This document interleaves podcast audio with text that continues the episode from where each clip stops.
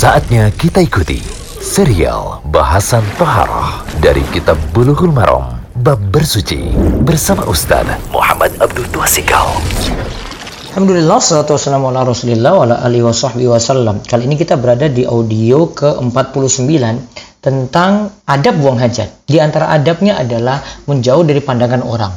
Jadi gini, jadi kalau ini terjadi tempat terbuka, terpaksa buang hajat di situ, ini biasanya dilakukan oleh kaum pria nih Diterangkan dalam hadis 89 dari kitab Bulughul Maram, pembahasan kitab Toharo, ada buang hajat ini adalah hadis dari Al-Mughirah bin Syu'bah.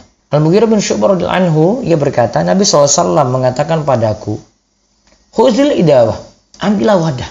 Ambillah wadah atau bejana itu. Lalu ketika itu fantolaqa hatta tawara anni faqada hajatahu. Lantas beliau itu pergi menjauh dariku sampai tidak terlihat lagi dalam pandanganku. Ya. Jadi beliau itu menjauh dariku sampai tidak terlihat lagi dari pandanganku. Yang dimaksudkan menjauh di sini ya, ya beliau usahakan tidak terlihat oleh orang-orang.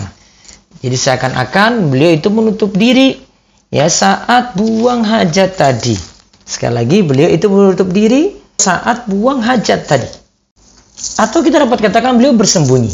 Nah, faedah yang bisa kita ambil dari hadis ini, hadis ini jadi dalil dianjurkannya menjauh dari pandangan orang ketika buang hajat. Kita menutupi diri atau bersembunyi.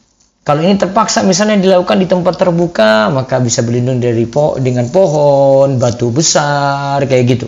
Agar aurat ini tidak terlihat, suara tidak kedengaran, bau yang tidak enak juga tidak sampai dan mengganggu orang. Namun kalau ini dalam bangunan, maka cukup dengan ruangan yang tertutup saja sudah terpenuhi maksud ini. Semoga Allah berikan ilmu yang manfaat.